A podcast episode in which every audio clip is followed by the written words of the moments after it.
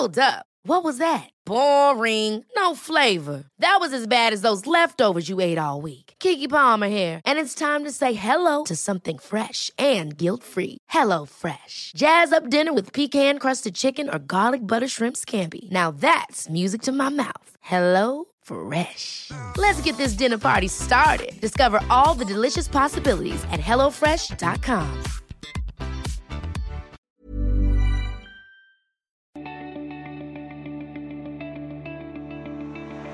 IG er en verdensledende finansmegler og et godt supplement til din trading. IG har en oversiktlig plattform der du får tilgang til 17 000 markeder. Det betyr at du kan investere globalt i aksjer, indekser, råvarer, valuta og kryptovaluta. Du kan åpne en konto på få minutter ved å laste ned appen eller besøke ig.com. Husk at handel med finansielle instrumenter alltid innebærer risiko.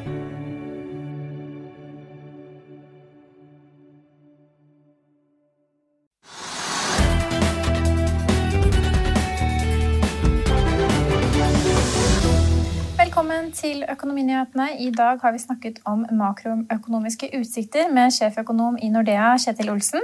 Vi skal også selvfølgelig innom det som skjer på Oslo Børs og USA, vi begynner her hjemme med noen nyheter. Blant annet har Hexagon Purus lagt frem eh, tall for første kvartal som viser kraftig tilbakegang. De fikk minus 104 millioner på bunnlinjen mot minus 66 millioner i samme periode i fjor. Aksjen er akkurat nå ned 14 Bakkafra står også ute med kvartalstall. Selskapet fikk et positivt resultat på 493,5 millioner danske kroner mot minus 181 millioner danske kroner i samme periode i fjor. På forhånd var det ventet et resultat på 150 millioner danske kroner. Aksjen faller likevel tilbake 1,7% akkurat nå. Kongsberg Defence og Aerospace er tildelt en utvidelse av Crowes-rammekontrakten inngått med den amerikanske hæren i september 2018. Utvidelsen har en verdi på 500 millioner dollar, ca. 4,1 milliarder norske kroner, og Kongsberg-aksjen stiger faktisk 1,5% Men her hjemme Trygve, i dag har vi et kraftig børsfall. Oslo Børs er ned over 2% Hva kan vi si om det som skjer i markedet? Ja, det er, For det første er det ganske alvorlig, da, for det er jo over 2% som du sier. Og de amerikanske børsene altså Nasdaq i USA i går, da, som er den teknologibørsen, den var jo ned 2,5 De europeiske børsene var også ned rundt, rundt et par prosent. Og de amerikanske børsene har startet ned i dag. Tech-aksjene i USA, sånn som Tesla og Amazon osv., de går videre ned i dag. Tesla var ned 6 i går, er ned 4% i det øyeblikket vi starter her. Eh, så det er ganske stygt bilde. Det kan jo fortsette, det vet jeg ikke noe om. Og så har vi ganske sånne litt sentrale aksjeselskaper og sentrale aktører som, er rammet ganske hardt i dag. Hvis du skal spinne videre på dette tech-fallet vi nå ser i USA, tech er også kraftig ned på Oslo Børs i dag. Ja, ja, Kahoot faller 12 Ja, altså, ja, den har vært mer ned. Det tror jeg den har vært uh, 20% eller noe sånt. Eller, den, den faller kraftig. Uh, og uh, den har vært oppe i 137 kroner og er i dag 62 kroner. Den har falt rundt 50% da, fra toppen nå. Eh, og, jo, og, dette skyldes jo da flere ting. For det første har kursen drevet ganske kraftig på forhånd. helt sånn Bare etterspørselsdrevet. Og det ble sagt at aksjen skulle tidoble seg osv. Så, videre, så det var masse positive analyser på Kahoot.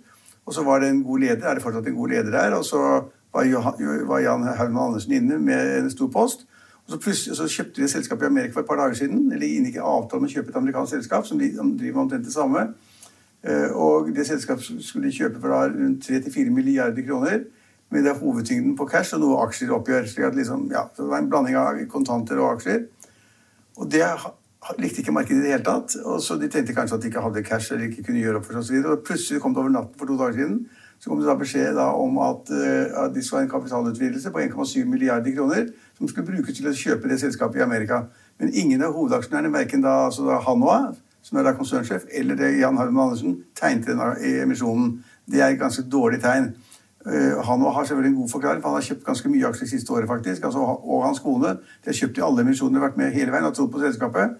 Uh, om, Jan Herman Andersen har vært med hele tiden, er jeg ikke helt sikker på, men i alle fall så er det sånn altså Uten å regne på det, jeg kan jo ikke kostpris til Jan Herman Andersen, men altså, han har et papirtap da, fra toppen på som, som, du sier, kurs 137. Så har han kanskje et papirtap på 4 milliarder kroner eller noe sånt. Og, og han har kanskje noe av det samme eller litt mindre. Eh, så det er ganske alvorlig for de det gjelder. Men altså, verden blir jo, blir jo ikke noe særlig bedre eller dårligere av at disse tapper masse penger på papiret. Det er det ikke, men det er et ganske stygt signal. Det er det ene. Og, og, og måte, Men Softbank, altså denne De som gikk inn og kjøpte aksjer i ble hovedaksjonær i Kahoot? Ja. ja. De tegnet seg i emisjonen. Ja, Men de har kanskje lengre horisont, og de har kanskje mer penger. Men det er, når det er sånn type, den er så klart en sånn tech-aksje som er drevet av lave renter og forventninger om store inntekter og store resultater i årene fremover, den er drevet av det. Og, og, og liksom, når skulle de begynne å tjene penger, og bla, bla, når skulle de kunne klare å forsvare en aksjekurs? Eh, så høy som den var. Det, ja. Det, er langt frem i tid, i hvert fall. Og med tanke på at vi nå går eh, en lysere tid i møte, hvert fall skal vi høre at sjeføkonom Kjetil Olsen sier det senere i sendingen, og det betyr også høyere renter, så vil det bli tøffere for vekstaksjer ja, som typisk ut. Det er vanskelig for tech-aksjene. De skal da liksom diskutere fremtidige inntekter og kontantstrømmer til, til, til, i dagen, og da vil en høyere rente bety at beløpet blir mindre, de fremtidige inntektene og fremtidige verdiene av selskapet. Det er ikke noe særlig bra i det hele tatt. Det er ikke verdens undergang, men det er ikke noe særlig bra. Jeg ser også at Finansavisen skriver akkurat nå, de har snakket med Eilert Hanne og spurt han om det skulle vært kommunisert bedre at uh, Kahoot måtte ut og hente mer penger i markedet, eller utstede flere aksjer til en uh, det kunne de kanskje gjort, det, det er jeg ikke sikker på. det vil jeg ta stilling til, Men, men eh, det er klart det, det er kommet som en overraskelse for mange at det kom en emisjon. ganske plutselig. Først kom meldingen om at de skulle kjøpe selskapet, og da kunne de kanskje samtidig sagt at for å gjøre det så trenger vi penger, og, ja, og, og det vil komme remisjon emisjon sånn eller sånn. Nå kom den litt overrasket da, for to dager siden. Men, men det, er ganske, det, er ganske, stor spenning i den aksjen. Det er veldig, veldig mange som har snakket om Vi hadde, på, vi hadde jo sjefen som gjest under investordagen i, i fjor høst.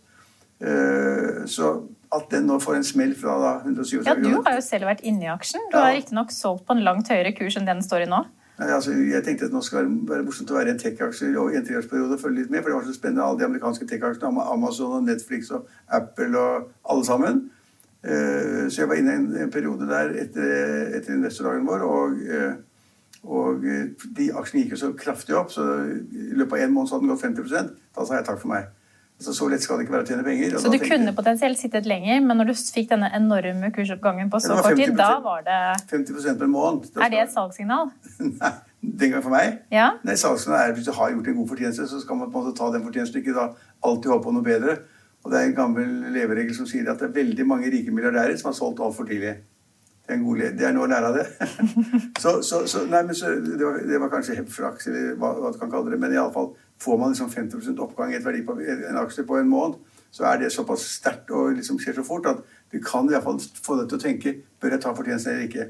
Og hva, og, og, og, og, hva Haugmann Andersen tenker, det har jeg ikke peiling på. Han sitter har ikke rørt seg i det hele tatt. og nå kom jo, som du sa, både Eilert Hanna og Jan Herman Andersen inn på et mye lavere nivå ja, de enn det vi ser i dag. Og sikkert også et mye lavere nivå enn det laveste kursnivået vi har sett i aksjen. Det er vel 25,87 kroner eller sånn. Det er derfor de har den enorme gevinsten. Altså derfor De har milliarder i gevinster, og det er derfor Thomas Giertsen har hatt en kjempegevinst på hatt aksjer på 100 millioner og sånn. Han er, han er fetter av han òg. Men, men men han er jo en forsiktig type. Kan vi tenke oss at han kanskje har solgt han noe av aksjene? Både han og kona har tegnet aksjer de siste året ganske mange ganger. Jeg tenkte på Thomas Giertsen. Ja, Thomas Giertsen, ja. Han er forsiktig type. Så han har fått en liten overraskelse i dag. I dag, i dag, i dag det kan jo tenkes at han har solgt unna noen aksjene, da. Kan tenkes. Jeg tviler på det. Men, men, men i alle fall så er det en case det er en case på tech-aksjer som da på en måte Europa er ned, Amerika er ned, Nasdaq var den som falt mest i går. Det, og når da Europa er ned og alle andre børser er ned, og så så er det en, det er en tankevekker, syns jeg. Men er det en, et tegn på en, starten på en korreksjon? Mai har jo vært en, kjent for å være en trøblete ja, måned rent historisk. Sell in May and go away, heter det. Ja. ja det, er, det er sånn gammel ja, Det tror jeg ikke noe på.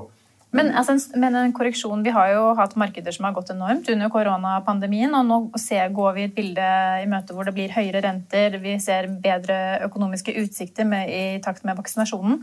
Og det er jo noen aksjer som vi har nevnt da, som ikke gjør det like bra når vi får høyere renter. Nei, nei, men det, altså, jeg har sagt vi har vært iallfall et år mot at eh, mange av markedene har vært overpriset, og det er altfor høye kurser. Norske selskaper, Nell og ja, mange andre selskaper har vært overpriset har vært, man har betalt for luft. Alle de nye røkkeselskapene har vært overbetalt opp og ned. Enten det nå er karbonfangst eller ha, altså vindkraft til havs eller hydrogenselskapene. Alt sammen har blitt priset helt vilt en periode. Og nå har det falt 30-40-50% så det, det, er ikke noe overraskelse i det. Kan, det er ikke så lett å tjene penger at du bare liksom lager et nytt selskap, lager noen vedtekter og så sier du skal gjøre sånn og sånn. Plutselig har selskapet vært 5 milliarder kroner. Det er ikke sånn verden er. Så vi har fått en korreksjon på de, på de grønne aksjene. på da de på, på, på ny, ny, energi og alt som har med det å gjøre. Og så har vi sagt veldig lenge, og Nell har vi snakket om 100 ganger, at liksom de, hadde, de, hadde ingen, de hadde knapt inntekter, hadde kjempeunderskudd, og likevel ble det priset opp til 30-40 milliarder kroner. Faller nye 8% i dag. Ja, så, så, så de, de har, Vi hatt et marked som har vært priset altfor høyt, og måtte tilbake. Det har ligget i kortene lenge, men det har jeg sagt så lenge at liksom man, når jeg sa jeg det sist, sa jeg det liksom 15 ganger i forrige måned, og sa jeg det for 6 måneder, 9 måneder siden. Det har vært en fare for at markedet kunne få en hiccup eller snu. Og nå har vi den. Ja. Nå har vi den. Og, og, Og på et annet- tanken- et annet eksempel som altså, veldig opp, mange har nå fulgt litt med på Kahoot. Uh, og, og sett at det, det går ikke til himmels man, liksom, Det tar litt tid, og man må tjene penger og bevise at man har en god balanse osv. Uh, men vi har jo Norwegian, som er altså, utrolig spennende i dag. fordi at Norwegian den, all, De har 50 000 aksjonærer, og veldig mange følger oss og leser oss. og Vi skrev om det i Finansavisen og snakket om det her.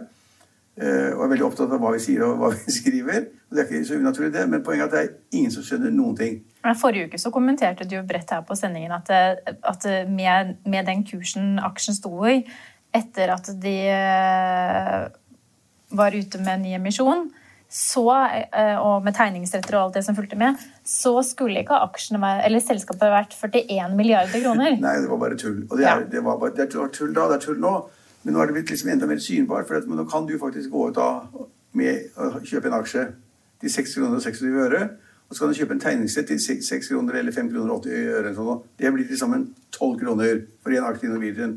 Samtidig så er det da noen på, i markedet som har villet betale på børsen en aksje for det var noen og 30 kroner. I dag er det 27 kroner eller 26 kroner, den faller. Så den faller jo 20 da, eller noe sånt nå. Eh, og det er ganske kraftig. Eh, så da har vi da på børsen Norwegian til 26 kroner. Hvis du har en aksje, kjøper en tegnested for å tegne på den aksjen, så er det 12 kroner. Det stemmer jo selvfølgelig ikke. Nå- Jeg vet jo i hvert fall hva jeg ville kjøpt hvis jeg hadde fått tilbudet. Ja, kanskje det er for dyrt også, men det gjenstår å se når de får da milliarder av aksjer ut i markedet som skal da liksom få plass i selskapet, og så skal alle de aksjene betjenes med overskuddene som selskapet kan oppnå. Og sannsynligvis er det noe virus når alt dette er ferdig, så er det verdt noen få milliarder kroner, kanskje. Men ikke 40, og ikke 30, og ikke 20. Så det er noe fundamentalt feil, og da vil jeg som helt, du har helt rett. I dag, hvis du kan, hvis du kan velge mellom å kjøpe en aksje på børsen til 35 kroner, eller nå har den falt til 27 kroner da, i dag, eller da har jeg en aksje og kjøpe en tegningssett for å få lov å bruke den aksjen til 12 kroner, så vet jo alle hva du ville gjort. Ja. Men det gjør ikke markedet. Så det er, det er noe helt fundamentalt feil med prisingen av Norwegian. Helt feil. Forventningene er gale, og kursene er gale. Ja, Og likevel så tror vi at det skal overleve nok en gang. Ja, altså det, det, Nå er det jo markedet aktørene og aksjonærene som på en måte må finne frem til hva de driver med. og Det får de gjøre uten oss. Vi har bare advart. Vi har sagt at det, det er galt, og kursen skal ned. Og det, den har gått kraftig ned. Så fra han som har skrevet en bok som heter 'Hva var det jeg sa?' to ganger, han, han gjentar ikke- budskapet høyt og tydelig i dag også. jeg tør ikke si det nå, men alle sier at det er noe galt. Ja. Som du sa, helt riktig, altså, da, vi snakket om det forrige gang, så, så var selskapet priset til 40 Hvis man tok da de aksjene som var ute, og, og multipliserte med de kursene som var, så ville selskapet da implisitt være verdt 40 milliarder kroner.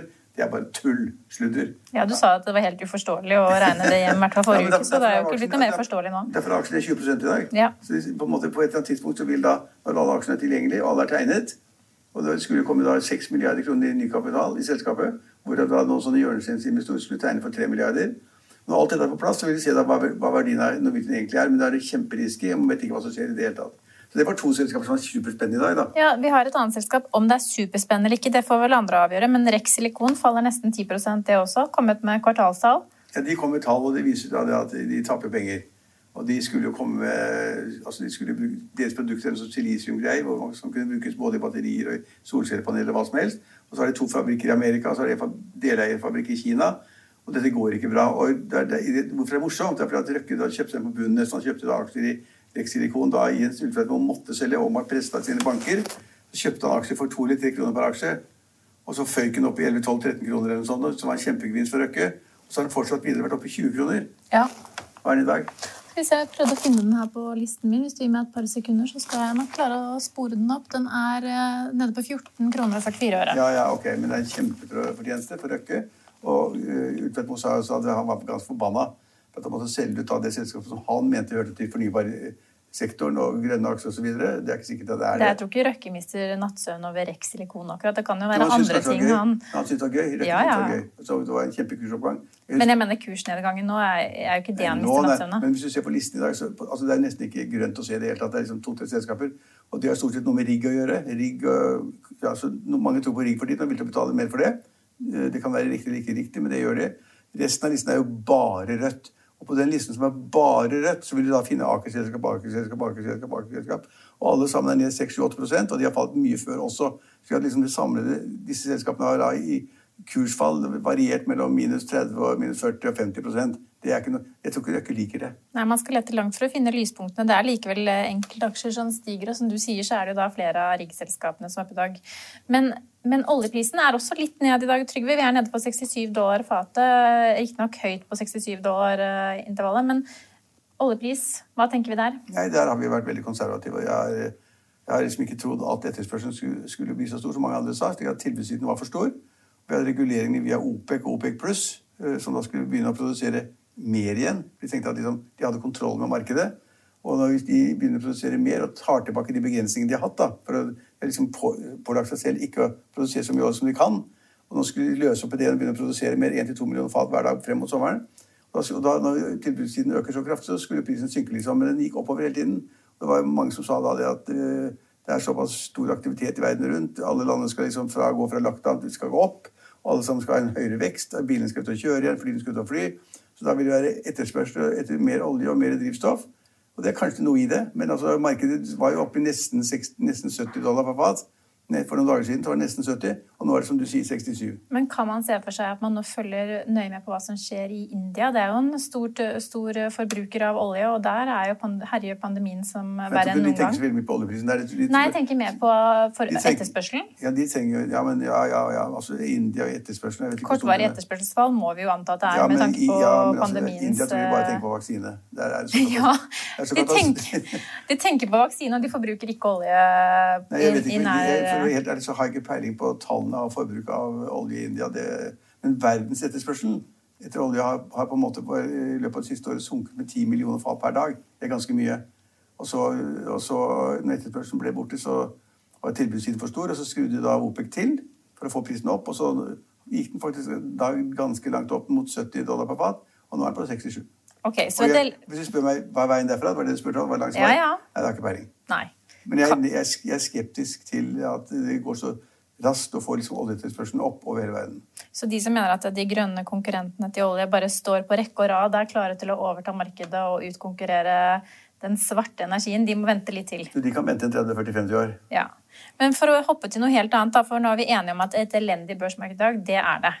Det er helt, to, to, over 2 ned er elendig og veldig trist. Ja, Men så har vi en litt sånn morsom kuriosa nyhet, for nå har altså en norsk fotballspiller blitt rangert som verdens nest mest verdifulle. Haaland? Ja. ja. Dortmund? Ja. ja. altså Hva er hans pris? Jeg har ikke jeg på, men jeg har jo lest analyser om at han er verdt 1,5 milliarder kroner. Ville du betalt det? Ja, altså nå Hadde jeg hatt så mange milliarder at jeg bare kunne betale for én og to fotballspillere, så hadde man kanskje kjøpt et helt lag, som mange andre milliardærer har gjort. Men KPMG de er jo litt mer uh, måtehold. Eller de sier 131 eh, millioner euro, da, ikke så langt fra 1,5 milliarder ja, men nesten, nesten kroner. Men er ikke det en utrolig morsom nyhet? En norsk fotballspiller, så ung og lovende. Og... Ja, alle kjenner ham, det er ikke noen nyhet. Altså, alle vet at han er veldig, veldig flink, og at han skårer mål hele tiden. Det er han er en sånn skåringsmaskin i Dortmund, og han kommer til å da, reise fra Dortmund innen rimelig kort tid til da til Italia eller til England. Og da, hvis man skal ha det, så må man kanskje betale halvannen milliard kroner. Det er utrolig mye penger for en fotballspiller. Men det er en fotballspiller som da ifra Hvilken klubb er han? Han der på N. Han, han som nå han ble kjøpt etter et, et, ja, Jeg tør ikke si akkurat hvilken klubb det var nå, faktisk. Du kan, ikke, du kan ikke lene deg på meg når det gjelder fotballkunnskap. Dette var bare en kuriosa. Men, ja, jo, men det finnes en som er omsatt for over to milliarder allerede, ja, som, og spiller nå. Ja. Det er ikke Manchester United, er ikke Manchester, jeg husker ikke, det er en av fotballklubb. Tenker du på Real Madrid? Nei, jeg husker ikke hvilken altså, Nugien, Nigien eller sånt. Å ja, ja, ja, ja, ja. Ja, du husker det? Ja, ja, jeg har hørt navnet, men ikke, ikke len deg på meg, som sagt. Jeg er interessert i fotball, jeg husker faktisk hvor han spiller. Men han ble solgt for over to milliarder kroner. Så det finnes en pris langt høyere enn Haaland. Og, ja. ja, Men Haaland er ung, da. Har fortsatt en lovende karriere foran seg, må vi tro. Ja, hvis han ikke brekker beinet. Bank i bordet der, Trygve. I'll see you in court. Vi sier det ofte litt på spøk, men for deg som driver business, er det aldri moro å innse at du ikke har laget en 100% gyldig kontrakt. Du bør ikke risikere hele firmaet ditt fordi du synes dette med kontrakter er litt stress. En avtale er ikke en avtale. Du kan miste kunder, miste venner, ja, til og med miste inntekter om du ikke lager en skikkelig kontrakt, på alt mulig, egentlig. Men vi vet det er et styr, kopimaskiner, tregprinter og haugevis av papir. Dessuten stoler vi jo på folk her i landet. Det er ofte litt kleint å skulle be om en signatur for alt mulig, ja, for mye av styret handler også om jakten på underskriften.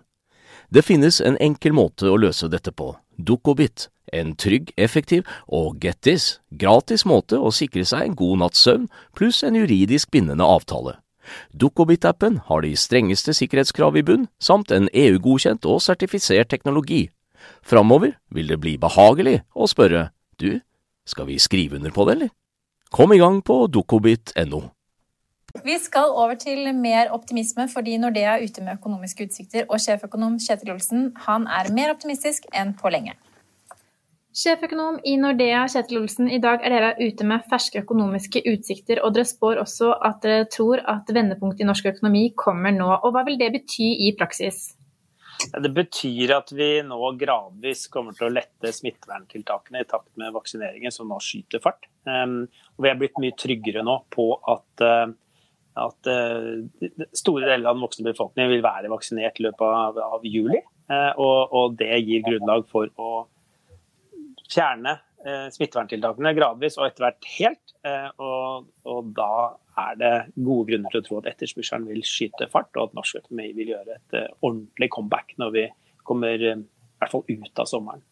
Og Når du da snakker om de største driverne, forutenom da selvfølgelig vaksineringen, så vil det være Ola Nordmenn eller deg og meg som bidrar ja, det, til en oppgang? Ja, det er jo vi som på en måte har holdt aktiviteten nede ved at vi egentlig ikke har fått lov da, til å, å, å bruke penger på de særlig tjenestene vi vanligvis bruker penger på. Altså Man har stengt ned mye pga. Eh, smittesituasjonen eh, for å holde smitten nede. Det gjør jo at eh, alle som er til jobb, og det er jo de aller, aller fleste, har jo da spart ganske mye penger da, i løpet av det siste året ved å ikke gå ut og spise, gå på kino og reise og den type ting. Sånn at de aller, aller fleste har mye bedre økonomi enn noen gang. Og så lengter nok de aller, aller fleste tilbake til et mer normalt liv. Så den dagen, og det er ikke så lenge til, eh, den dagen det, det blir på en måte lov å, å, å, gå ut og være sammen med andre folk, eh, og, og, og frykten på en måte slipper da, når vi er vaksinert, så tror vi økonomien kommer til å, til å, skyte ordentlig ordentlig fart. Og at uh, det blir bra hold i gang på, på, på, på konsumsida, uh, og særlig tjenesteforbruket utover høsten. Og Når det blir god fart i norsk økonomi, hva tenker dere om rentebildet? Ja, Renta er jo nå kriselav. Norges Bank satte den til null. Uh, om ikke i affekt, så i hvert fall situasjonen var veldig uoversiktlig i fjor vår. og de, de dro til og satte den hele veien ned til null.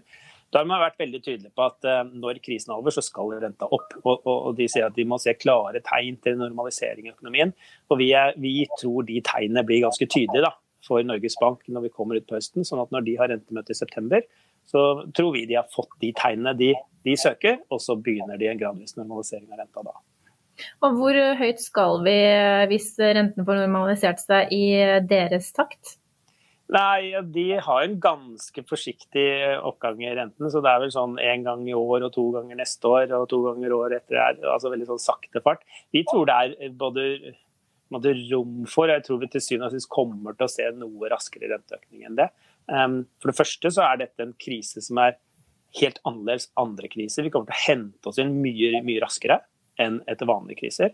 Og det andre er det jeg snakket om med, med, husholdningenes oppsparte midler. At husholdningene gjennomgående har en mye bedre og sterkere finansiell posisjon og situasjon nå. Da, sånn at man, man i utgangspunktet tåler sånn sett da, flere renteøkninger enn før.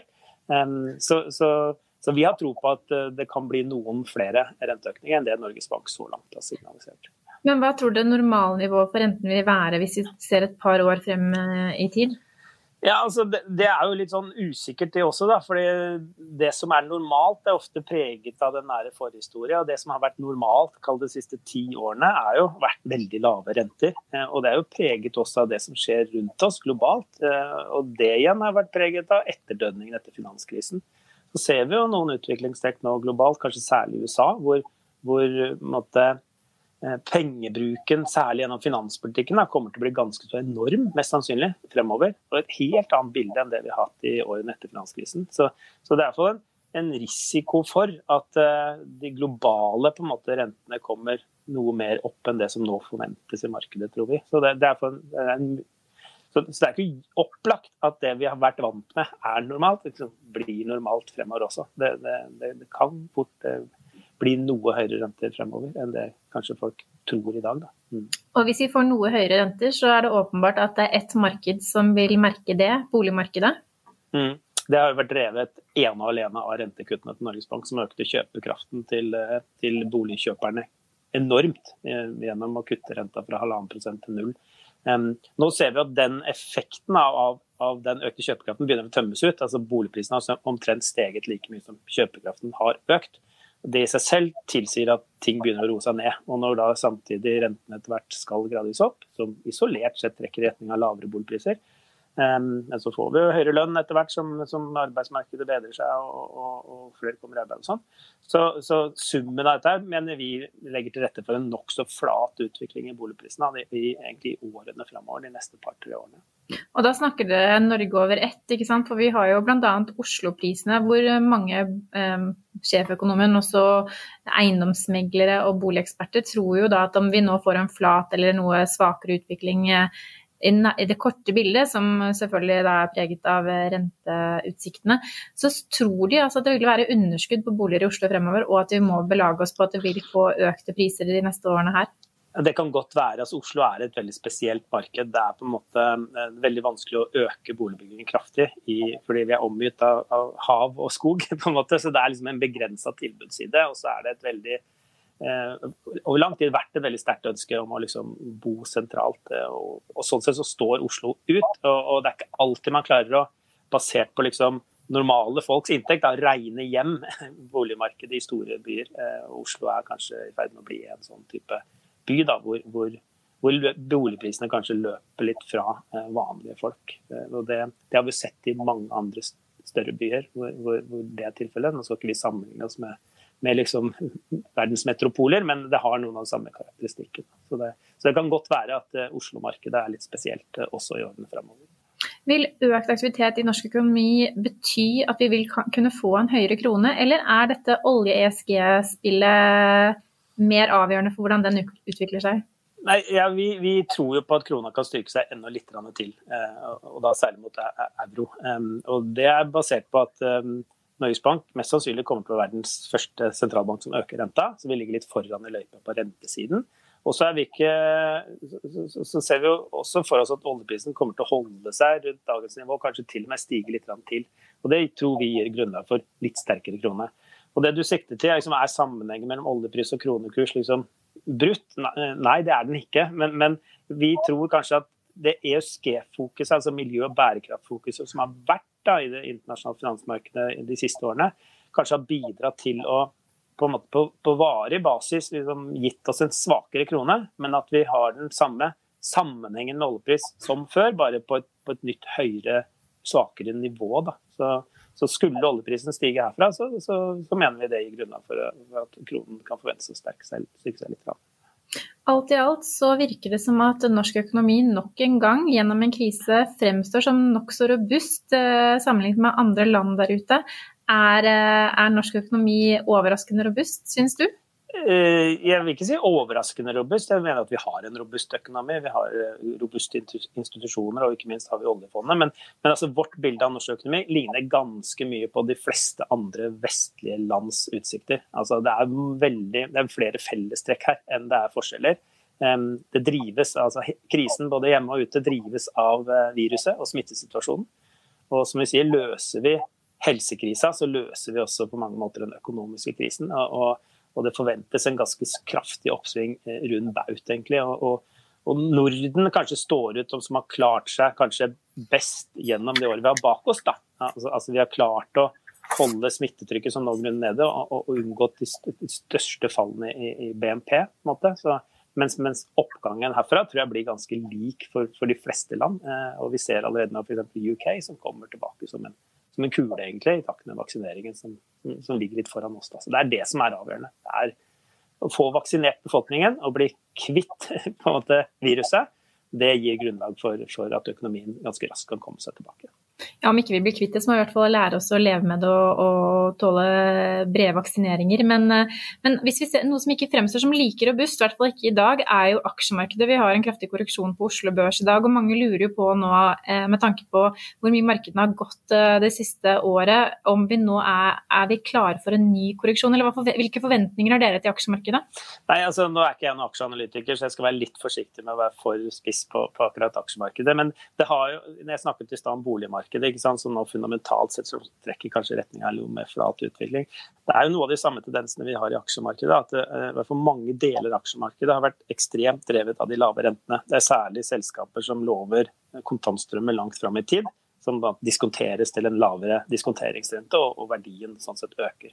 Og I den grad rentene går opp, og det vi har sett spor allerede, langsiktige renteforventninger har kommet opp, så har det gitt litt motvind, særlig til sånne vekstselskaper og noen av disse grønne selskapene også, som, som lover mye gull og grønne skoger langt der framme.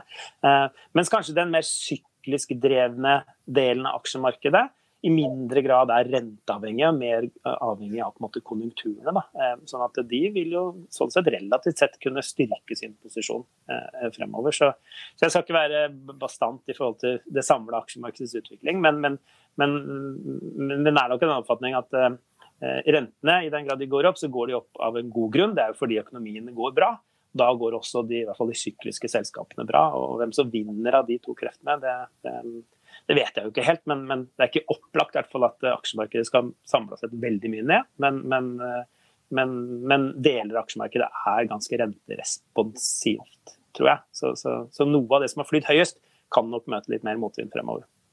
Så alt i alt så høres ting positivt ut for oss nordmenn akkurat nå. Er det ingen mørke skyer i horisonten? Ja, eh, Skyene er nok der, men, men, jeg mener at de er blitt uh, hvitere. og Det er færre mørke skyer. og Vi er på en måte blitt tryggere da, på at vi, vi, vi, klarer å håndtere denne pandemien. Vi kan ikke være sikre, men altså de resultatene som vi nå får fra andre land som har kommet lenger, og kanskje spesielt fra Israel, hvor man har real life på en måte data nå på, på mange millioner vaksinerte, som opererer med, med, enormt høye tall på hvor effektive disse vaksinene som vi nå bruker i Norge, er.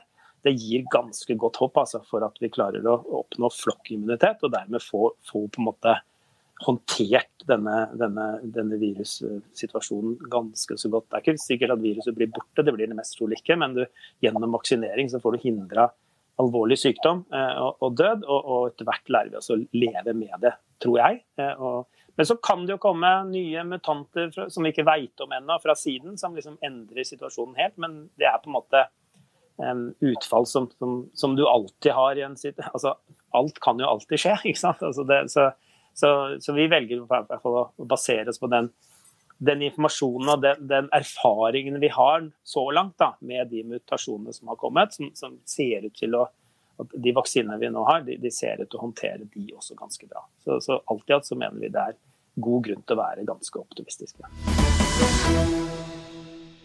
Ja, Tar vi et raskt blikk på USA-børsene, så er det rødt på Wall Street akkurat nå. Ikke like rødt som vi ser på Oslo Børs, men samtlige av de største indeksene er da kraftig ned også i USA.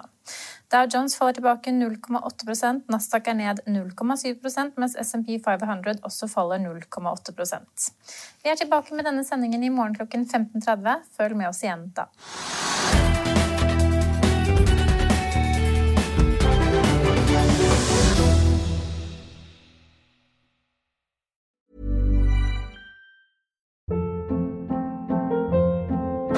Hold up. What was that? Boring. No flavor. That was as bad as those leftovers you ate all week. Kiki Palmer here, and it's time to say hello to something fresh and guilt-free. Hello Fresh. Jazz up dinner with pecan-crusted chicken or garlic butter shrimp scampi. Now that's music to my mouth. Hello Fresh. Let's get this dinner party started. Discover all the delicious possibilities at hellofresh.com. Økonominyhetene er en podkast fra Finansavisen. Programledere er Marius Lorentzen, Stein Ove Haugen og Benedikte Storm Bamvik. Produsenter er Lars Brenden Skram og Bashar Johar. Og ansvarlig redaktør er Trygve Hegnar.